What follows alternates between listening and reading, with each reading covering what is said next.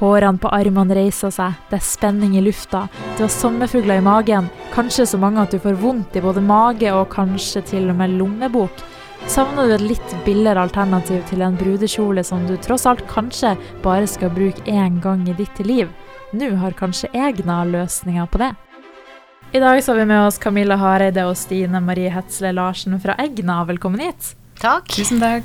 Først er jeg litt nysgjerrig på hvem dere i Egna er, og hva dere driver på med. Egna er en senter for bærekraft og sirkulær økonomi, der vi prøver å legge til rette for uh, reparasjon, selv av B-varer, bruktvarer, uh, masse brukt klær. Vi har også en kafé, måteromfasiliteter, og vi satser veldig tungt på lokal mat og norske produserte alkoholfri drikker. Hvor lenge har dere holdt til nå i Bodø? Uh, siden desember 21. Hvordan har interessen fra folket vært? Um, det har tatt uh, ganske mye av nå i det siste, så Mm. vi er kjempeglade.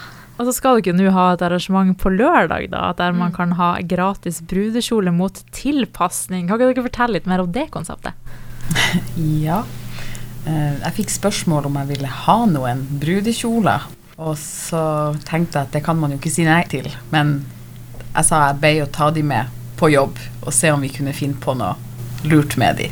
Så vi har grubla og tenkt litt og hatt de hengende og fant ut at det her egentlig var en litt, litt spennende ting å, å gjøre. Et litt Mm. greit tilbud òg i ei tid hvor økonomien kanskje òg er vanskelig for mange. Hvor de her brudekjolene kommer fra? Noen av disse brudekjolene har blitt levert av folk Mm. som hadde den i skap. Ja, stemmer. Noen Vi har de. fått et par kjoler. Ja.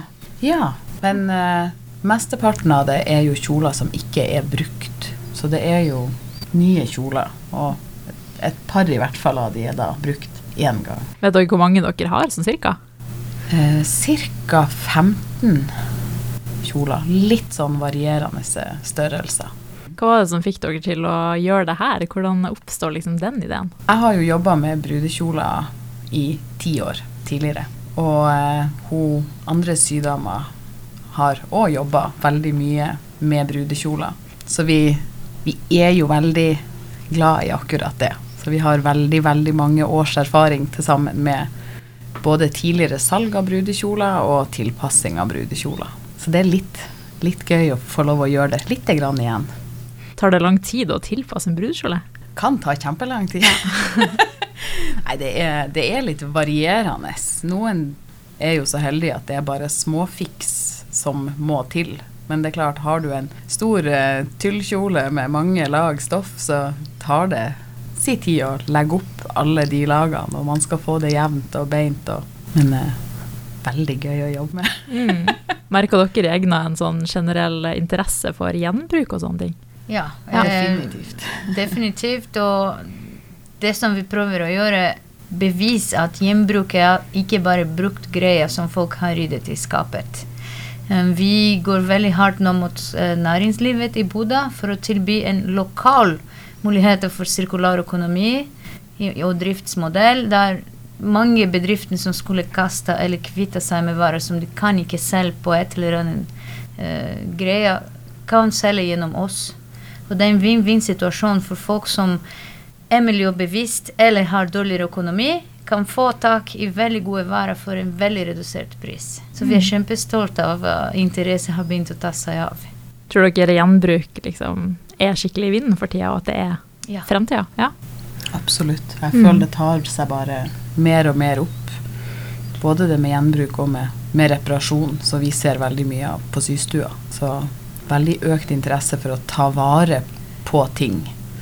Både det å kjøpe brukt og Vi har de som kjøper en jakke kjempebillig hos noen med ødelagt glidelås. Så kommer de til oss og betaler for å få et nytt glidelås satt i, og så har de da ny, ny brukt jakke med nytt glidelås til fortsatt en grei, grei pris. Og hvor dere holder til henne? Jeg er i Bodø Storsenter, eh, rett ved City Nord, egentlig. Eh, Verkstedveien N er adressen vår. Mm. Andre etasje.